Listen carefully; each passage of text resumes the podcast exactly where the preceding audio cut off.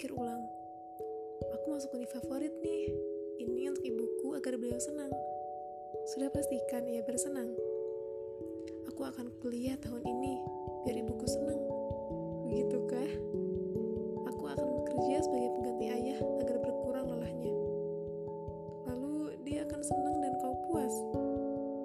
Aku akan mewujudkan cita-cita orang tuaku agar beliau bahagia di dunia ini. Akan membahagiakannya dan mereka akan menjadi orang yang paling bahagia di dunia ini. Benar begitu. Coba kau tanya padanya, apa yang membuat mereka senang? Jika semua yang kau perjuangkan memang menyenangkannya, selamat. Tetapi jika tidak ada satupun yang kau perjuangkan itu menyenangkan bagi mereka, bersabarlah dan tanya kembali